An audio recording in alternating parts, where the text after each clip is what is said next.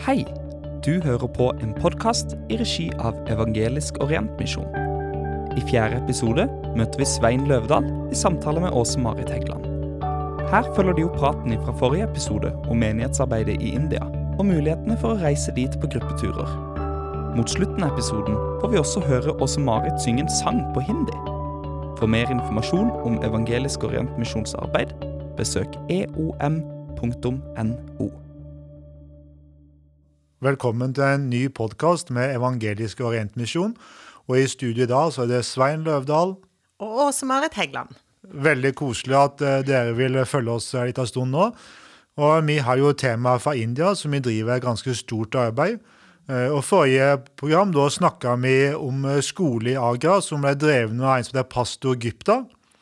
Og vi ønsker å gå litt videre på denne Egypta. Det er en veldig spennende person som eh, har en eh, spennende livshistorie.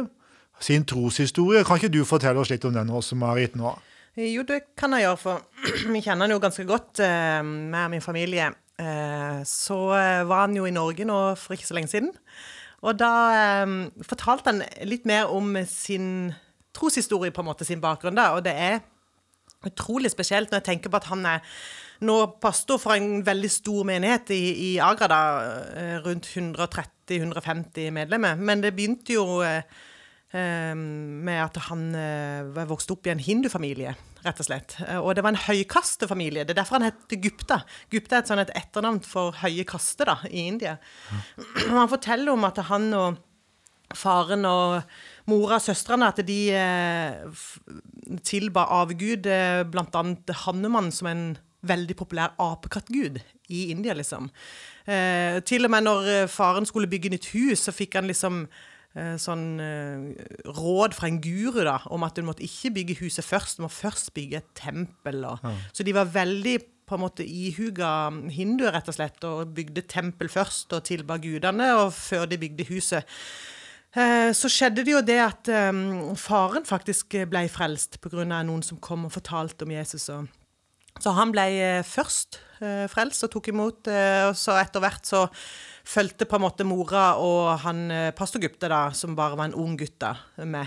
Men det som òg var utrolig interessant, sånn som han Gupta forteller, det er at eh, både at de var høykaste, eh, hindufamilie, men han var òg faktisk en del av sånn antikristgruppe, han pastoren, som eh, var veldig for Eller de var veldig imot da, konventering til andre religioner, spesielt kristendommen.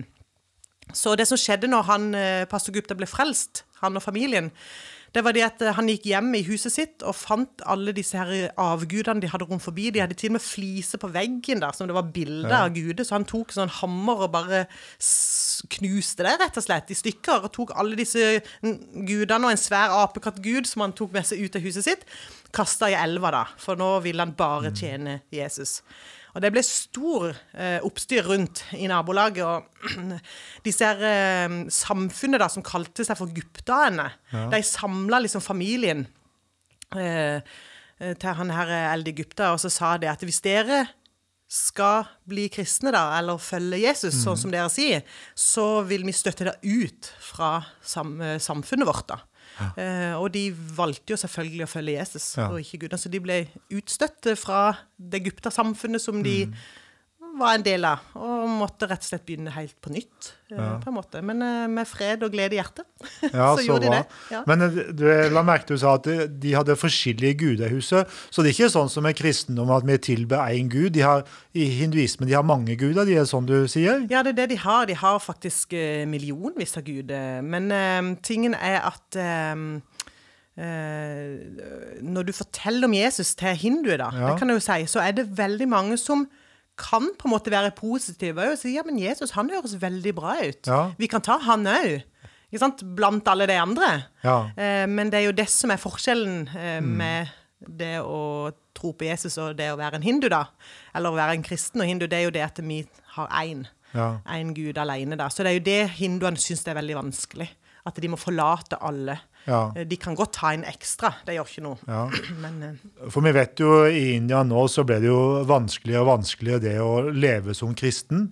Og det ble jo mer og mer forfølgelse. Og er som du sier, det kan være vanskelig det å konvertere Ja. når du har vært hinduist og blir en kristen. Og veldig mange opplever som du sier, at eh, de mister relasjonen til familien. Mm. En har jo hørt om mennesker som eh, de mister jobben, og det er mange ting som skjer. Og det er ganske dramatisk for veldig mange mennesker i India, det også å gå over til kristentro. da. Ja.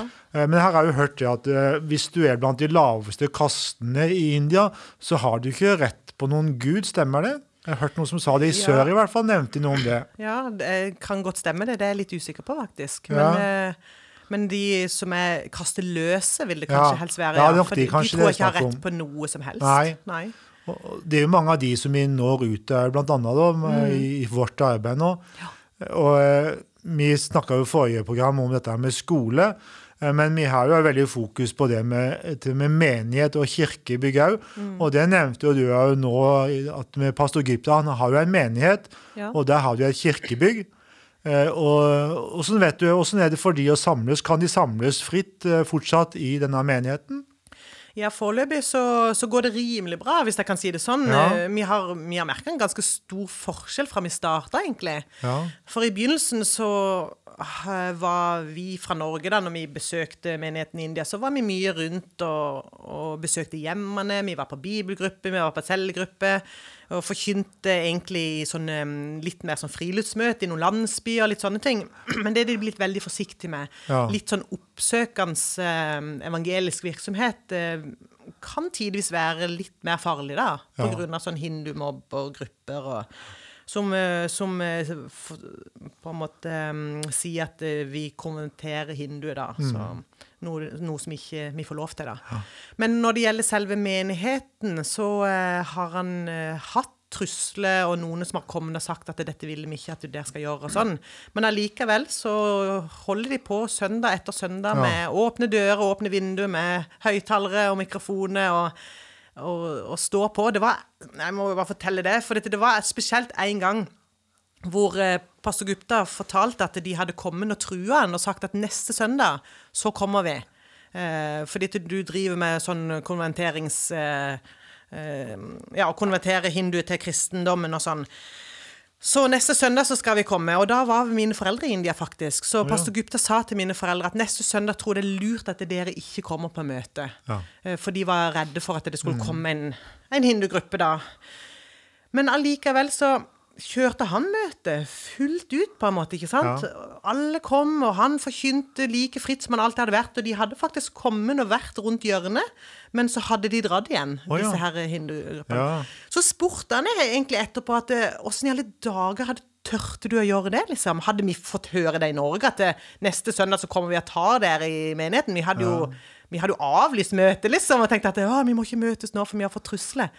Men jeg spurte han hvordan i alle dager kan dere fortsette når du får sånne trusler. Så fortalte han meg det at eh, i dag tjener Gud, Ja. i morgen vet ingen noen ting om, Nei. sa han bare. Så det er en helt fantastisk eh, driv og eh, Et veldig sterkt vitnesbyrd. Ja, på det arbeidet de står i. Ja. Eh, og som pastor Gypta nevnte han var her i Norge, så var det jo over 600 pastorer i den nordlige delen av India som satt i fengsel, Ja. Mm. faktisk akkurat nå som vi sitter her og prater. Eh, Men vi ser jo i sør det at sånn som i påska, så hadde de jo egne parader i gatene.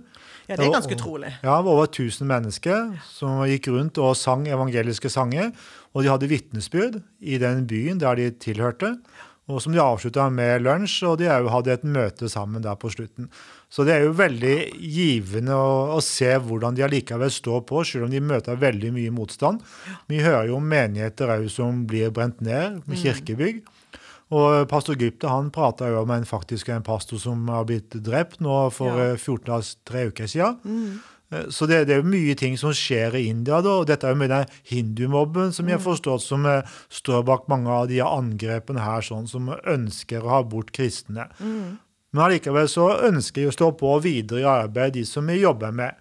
Og det vi ser at kristendom det er egentlig ganske lange tradisjoner i India, hvis vi tar med oss den delen òg. For det er jo disippelen Thomas, tvileren, som vi kjenner han fra. Da. Han var jo den første misjonæren sånn historisk sett som eh, var, kom til India. Han kom til India i år 52 og hadde jo 20 år i India før han ble drept i India. faktisk da. Så kristendommen har en lange tradisjoner i India. Selv om eh, hinduistene mener noe helt annet da, så er det jo en lang tradisjon. Og Vi ønsker jo selvfølgelig å videre å bygge menigheter. og Det er jo veldig mange som ikke har egne kirkebygg òg. Det er sør. Mange som samles i hjemma og under trær og slike ting. Og av den grunn så bruker vi jo å bygge en del kirker. I fjor bygde vi tre. Og i år er vi med å støtte tre kirkebygg. Ja. Eh, Så vi ser jo at eh, dette er noe som må drives videre. Men sånn som for pastor Gypta er det Jeg har jo vært i menigheten der, og det var jo ganske fullsatt sal. Er det mulighet for å utvide menigheten der? Kirkebygget der? Ja, det har vi jo kjempelyst til, og det er jo det som er litt gøy. Eh, Dette begynte liksom en liten bare gruppe med, med mennesker i hjemmet til, til han pastor Gypta, og har utvikla seg til en stor menighet. Så de, det er sprengfullt til tider. Så vi ønsker faktisk å bygge en etasje på toppen, da. Eh, Det er jo flatt tak. Ja. Eh, Så eh, de håper på å bygge en møtesal oppe, rett og slett, for å utvide kirka. Så kan de heller bruke den det rommet de har nå, til søndagsskole, f.eks. For, for det vokser òg. Veldig mange Ja. barn som kommer på, på møter på søndagsskole. Så um, vi håper veldig på ganske snarlig, egentlig, å Ja. få bygd en etasje til på den kirka. Så det er jo ganske utrolig uh, bra å tenke på at tross forfølgelse, og spesielt kanskje i den staten Uttar Pradesh, som det heter der som, uh, som pastor Gupta er, hvor det er veldig mye forfølgelse, Ja. så vokser menigheten allikevel. Jeg snakka med en just i går, faktisk, eh, pastor Gupta. Han sa det til nå på søndag, så hadde det kommet fem helt nye igjen. Stadig nye som kommer, liksom. Ja. Men, men åssen er det liksom litt nedover eh, sørover, har jo eh, Orientmisjonen egentlig hatt eh, ganske lenge arbeid. Jeg merker det er mye Du sa litt om at dere hadde hatt et parade og sånn. Jeg vet ikke om det hadde gått i nord, kanskje, men eh, merker de litt forfølgelsen der òg? Det er jo litt om Vi besøkte jo for et par år siden så besøkte jeg en pastor. Han hadde fått huset sitt brent ned. Ja. For da ønska de at han skulle ha bort fra det området. De ønsker ikke å ha han der. Så de opplever slike ting innimellom, da. Men det er som sagt, som du nevner, det er litt enklere å drive kristent arbeid sørover. Men de kjenner mer og mer på det. Før så hadde vi en del møter ute, utendørs møter vi var der nede. Men det kan vi ikke ha lenger nå. Og vi kan heller ikke være med på så mye som har direkte med menighetsarbeid der nede, pga. at eh, de ser på oss vestlige som, som kommer dit for, at men, for å konvertere mennesker. Da. Så en må der òg være mer forsiktig og ta mer hensyn til, til hva en driver med nede. Ja. Men som du sier, så det er fortsatt litt mer åpenhet der nede enn der er nord. Ja. Eh, Og de, vi har òg veldig I fjor, for eksempel, så var det 620 nye døpte ca. Ja, liksom. Så det er jo veldig mange som fortsatt søker Jesus. Sånn som det var i Kina, når forfølgelsen kom der, så eksploderte jo at det var mange som ble frelst der nede. Men en ting jeg tenker på også, Marit. eh, Vi i Norge vi har jo veldig åpent, og vi kan jo egentlig eh, forkynne evangeliet hvor som helst og til hvem vi vil. Men allikevel så kjenner mange på denne menneskefrykten her, som vi har her. sånn. Mm. Så tenker jeg på Pastor Gyptan har jo noen barn Ja. eh, som opplever en far som står i en arbeid som er veldig krevende. Og de hører jo mye om forfølgelse, mennesker som fengsel og slike ting. Men eh, hvordan er de sin eh, holdning til kristendom? Ønsker de å bidra, eller trekker seg sånn automatisk tilbake for de blir redde for det de står i ja. som familie og som kristne i India? Det er jo sånn Menneskelig sett så vil en jo tenke kanskje at uh, uff, liksom at de kanskje frykter det litt og tenker 'pappa, du må ikke holde på med dette'. Men det som er så rart, er jo at en ser jo egentlig nesten det motsatte.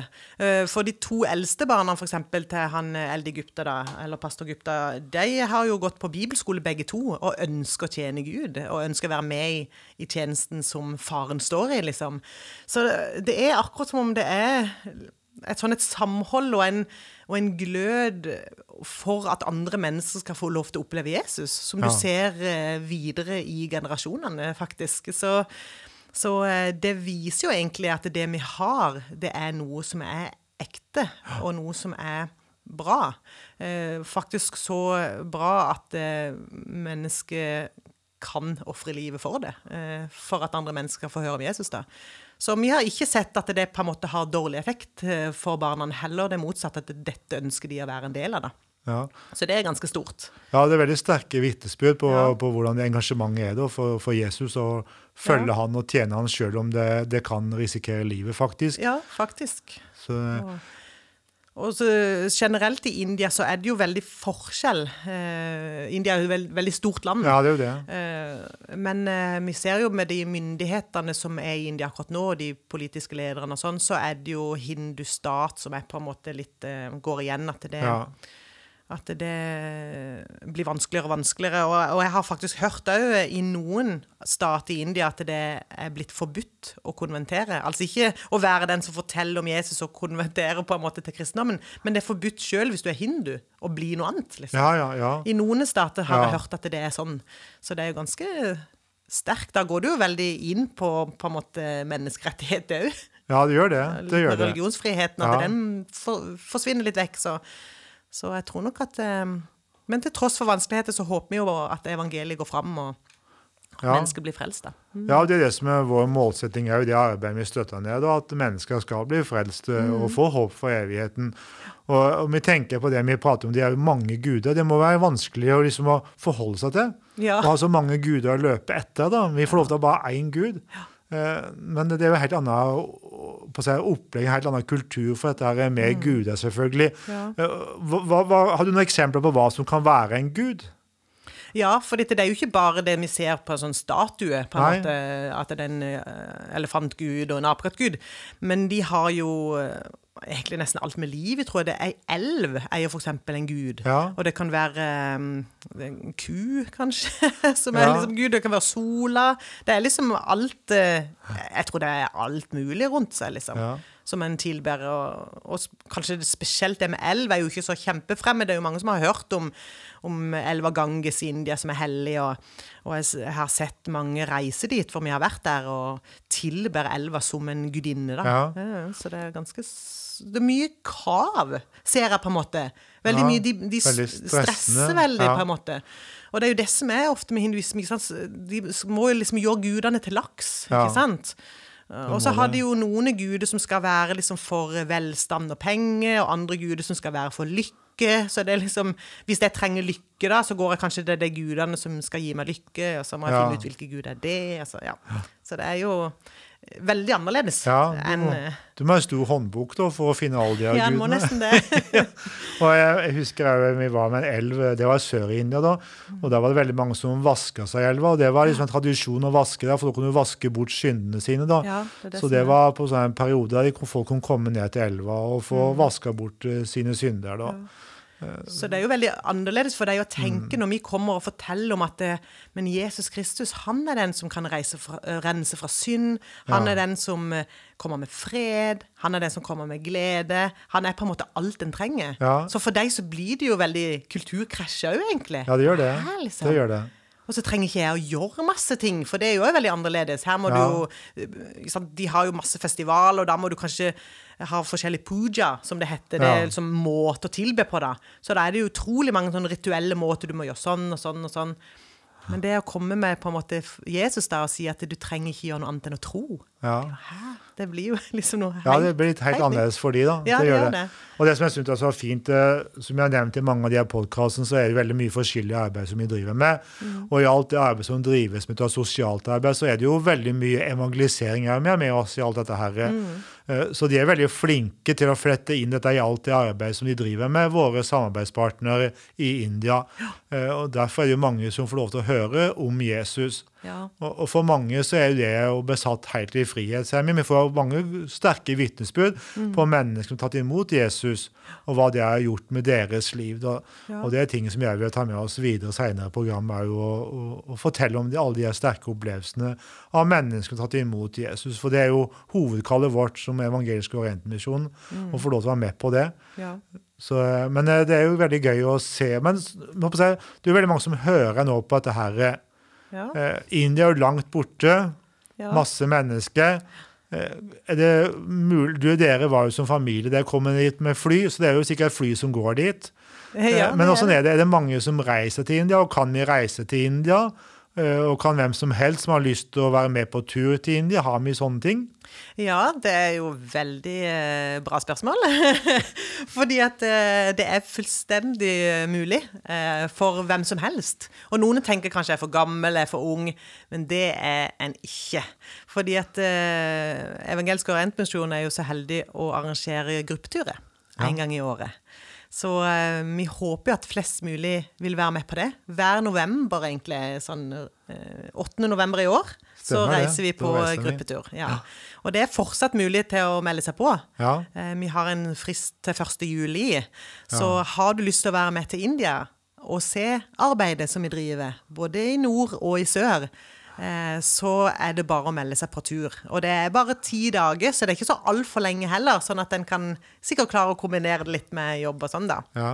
Eh, og muligheten vil alltid være der. For jeg tenker at um, vi ser jo mennesker som har vært nede før òg. Du har jo sikkert òg hørt mange gode erfaringer. For det er jo ikke første gang vi har teamtur til India. Nei, vi har hatt uh, tre turer nå til India med team, da. Ja. Og, og alle har vel vært veldig fornøyde med turen. Jeg tror ikke det har vært noen som har klaga ennå. Nei, de har i hvert fall ikke sagt det høyt. Ikke sagt det høyt til oss, i hvert fall. Så det kan jo være noen, da. Som, eh, men de fleste har jo syntes det har vært veldig flotte turer. da, For det er jo veldig mye de får oppleve. Både det, det som er sightseeing med Taj Mahal, og vi får vært i Delhi og se severdigheter rundt der. Eh, Og vi får lov til å besøke som du nevner, alle prosjektene våre. Og så har vi jo opplevd mennesker som har liksom blitt tent for spesielle prosjekter. da. Ja. Eh, Jeg vil få lov til å trekke fram ei dame på Hun var 85 år faktisk når hun reiste med meg på tur. Eh, Og nå er hun 90. Eh, Hun så en gutt med en landsby som bare hadde ett bein, som ble båren av sin mor. Eh, Hun gjorde ikke akkurat så mye med det der og da, men hun kom hjem til Norge og bor i Kragerø for øvrig. Så tenkte hun på den gutten hver eneste kveld. Og så tenkte hun hvordan kan jeg hjelpe denne gutten? Jau, så sa hun det. Jau, jeg vil gi henne han en rullestol. Wow. Og så ringte hun til meg da, og sa hun ønska å gi en rullestol til den gutten da, men om vi kunne finne gutten igjen. Ja. Og bare det i seg sjøl er en veldig utfordrende jobb. da. Vi vet jo det er mye mennesker i gatene i India. Ja. Eh, Men eh, vår samarbeidspartner Juhani i Hallonen, som en av de heter, han greide til slutt å finne den gutten og sendte bilde hjem til meg. Og da sa denne dama at hun ønska å gi en rullestol, så hun ringte til hjelpemiddelsentralen i Kragerø eh, og lurte på om hun kunne få kjøpt en rullestol av de. Hun fortalte situasjonen for dem. og neste dag faktisk, forteller hun, så sto denne rullestolen på trappa hos henne oppe på Helle, et par mil unna Kragerø sentrum, og de sa at den skulle få gratis. Eh, Og så kom Johan i Hallen til Norge og hadde møte her. Eh, Og på en forunderlig måte så greide vi å få den med han til India. Og en ukes tid seinere så fikk vi bilder fra India med gutten i rullestol. wow, det er jo fantastisk. Det er helt utrolig å tenke på, da. For vi tenker mange ganger at det er ikke så mye jeg kan være med og bidra. For det første, vi er langt unna, det er mange mennesker, og sikkert mye av midlene forsvinner underveis. Men dette viser jo at det er fullt mulig for hver enkelt som ønsker å bidra, har muligheter. Eh, Og som denne dama eh, snakker stadig med henne, og noe hun alltid nevner når vi prater sammen, det er denne rullestolen som fikk lov til å være med og gi. da. Og òg Seinere så har jeg hatt med meg noen krykker ned til han, og òg litt midler som hun har med og bidratt med. Som viser liksom en mulighet til engasjementet, og mange andre som er med oss på tur, som har fått et sterkt engasjement med å få lov til å se det på nært hold, det som gjøres av arbeid der nede. Eh, Så som Åse Marit sier, så håper vi at det er flere som vil melde seg på tur. Turen ligger på ca. 27 000.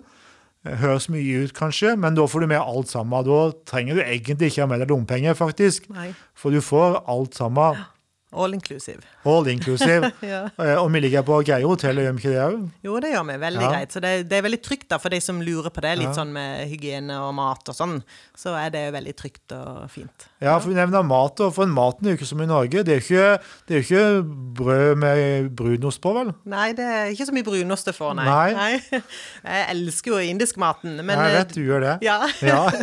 Men for de som er litt skeptiske til den, da, og tenker at alt er sterkt og sånn, så, så får du eh, ganske basic mat i India òg, med, med litt egg og, eh, og eh, ting som ikke er så sterkt, liksom. Ja. Eh, kylling, mye kylling. Mye kylling er det. Ja, det er det. Og ris det er mye av. Veldig mye ris. ris. Ja. Og det er vi alle kjent med, da. Det er vi. Ja. Så eh, akkurat matveien tenker folk kanskje er litt skummelt, men det er egentlig ikke det. Og vi kan eh, ha pizza noen ganger på Pizza Hut, og ja, det fins det fins mye forskjellig. Ja. Så akkurat matveien trenger ikke folk å være redde. De trenger ikke å spise indisk eller sterkt. eh, Ja. Og mange av de hotellene som vi har sovet på, har jo buffé òg, og det er jo veldig greit. For da kan en jo velge litt sjøl hva Ja. en ønsker. Men må de kunne engelsk for å være med på tur? Nei, vet du, det er jo egentlig litt morsomt, for engelsk er jo bra å kunne Ja. for å komme seg fram, men eh, der er min pappa egentlig et veldig stort sånn forbilde for meg, for han har åtte år på skole, han, sånn, that's it, liksom. Ja, ikke åtte år med engelsk. Nei, åtte år på barneskole, liksom. og, og i begynnelsen når vi reiste, det var jo egentlig helt uh, tragisk, på en måte, hvis en skal snakke språkmessig. og, og, eh, det er helt greit hvis han hører på, altså, for, eh, for han vet det sjøl. Men han har lært mye underveis, da. Men Ja, det er det der med bare å tørre. Bare tørre å bruke Ja. det lille en kan. Så er det utrolig hvordan en kan gjøre seg forstått. Eller så kan en få litt hjelp til tolking, hvis det er sånn. Og det som er artig, du nevner far din, for jeg vet jo han har vært med å tolke Egypta en gang på et møte, Ja, faktisk. Han. tenk det, liksom. Så han har utvikla Ja. seg veldig. Men eh, det må ikke stoppe. Språk må ikke stoppe. For jeg, jeg mener, sånn en tur, hvis en lurer litt på det, så, så tenker jeg da bør den bare gjøre det. Ja. Fordi det er, det er virkelig et minne for livet. Og noen tar den ene turen og tenker wow, da fikk jeg gjort det. Mens andre, litt sånn som du sier, får kanskje noe spesielt lagt på hjertet. Og jeg tenker sjøl òg, hvis det ikke var India mamma de tok med Mette. Jeg vet ikke, Det var Ja. jo etter møtet med landet da, og folkene at min glød på en måte eh, satt uh, i gang, liksom. Så uh, jeg anbefaler det på det sterkeste, altså. Du, lurer du litt på det, så bare gjør det. Ja, jeg ser jo det. Nå må vi jo reise til India Ja, og besøke arbeid der nede. Men uh, som sagt, det er jo veldig mange måter jeg kan støtte på her hjemme òg. Eh, annet med å gi penger, selvfølgelig, som trengs. Og vi har veldig behov for forbønn. Det har vi veldig. Men så ønsker vi å komme rundt og ha møter, da. Så hvis du tilhører en menighet, Ja, det er sant. det ikke mulighet for å besøke oss òg? Det hadde vært veldig gøy å komme dit. Ja. Eh, vi kan jo være med både og fortelle om arbeidet, forkynne evangeliet. Du synger litt, gjør du ikke det? Nei, jeg synger ikke også, Marit, det vet du. Men eh, det er jo ønska å få nevnt noe det at hun synger. Ja, kanskje litt.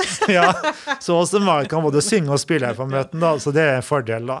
Så vi håper mange har lyst til å kontakte oss, og der vi kan komme og fortelle om det arbeidet som drives i India. Ja. Eh, og eh, Evangelisk Orientmisjon, som jeg vet, de har jo arbeid i andre land òg. Vi kan jo nevne både Nord-Korea, og Japan og Kina og Mongolia. Ja. Så det er et veldig vidt spekter og veldig mye spennende. Og vi har jo turer rundt forbi. Nå har vi nevnt India, for det ligger jo oss på hjertet veldig nært. Ja.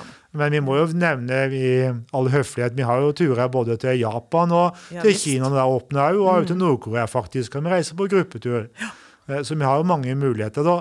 Det Så det vil jo si at eh, er du, eh, har du en lyst til å gjøre noe for andre mennesker, så er det mye muligheter. Det er det. Og anbefaler å følge EOM, da. Ja. Eh, Enten på hjemmeside eller nå på podkastene, eller eventuelt vi har et blad som de kan eh, få tilsendt til posten. Og, for det er mange muligheter som kommer til å åpne seg, tror jeg.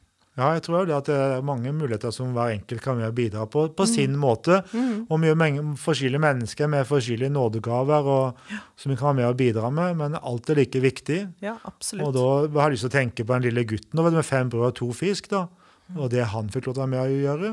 Og det med å få lov å se hva dere kunne gjøre, med en far som egentlig ikke kunne engelsk, som reiste til India. Og nå er det en menighet på over 130-40 stykker i den menigheten, og en skole med 135 elever Ja, pluss to dagsentre. Så her er mange muligheter. og Det er veldig inspirerende å høre den fortellinga, og også alle andre som har vært med og bidratt. Så vi håper at det er mange som vil følge oss videre, både i podkast og på blad, og Facebook, som vi har. Mm. Eh, Og også vi kan komme rundt og ha møte. Ja.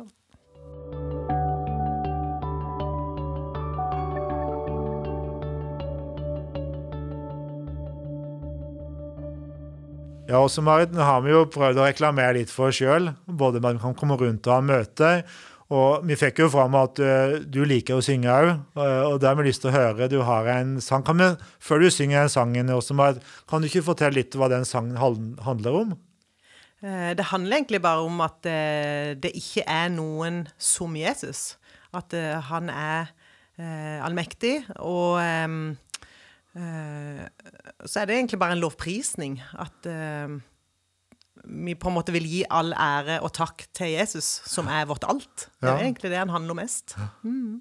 Da må vi glede oss til å høre du synge den sangen eh, også, Mari. Jeg skal prøve å synge den. Altså, ja. Hvis jeg skal synge rundt andre plasser, så er det ikke så mye hindi det går i dag. Da er det kanskje litt mer på norsk. Ja. Men nå kan vi prøve det. Prøv det. Ja. Tum sa ko inahi नहीं तुमसा कहीं नहीं। अब है पूरा यकीन, तुम सा कोई नहीं।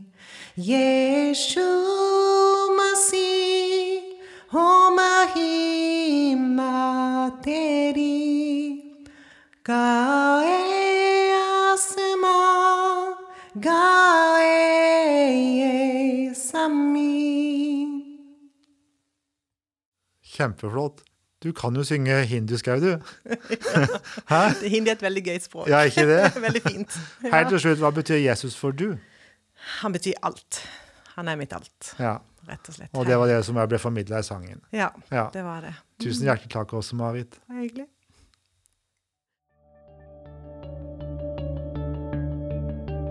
Tusen takk for at du hørte på Orientmisjons podkast. Denne episoden ble produsert i samarbeid med Karten Studio. For mer informasjon om Evangelisk orientmisjonsarbeid, arbeid, besøk eom.no.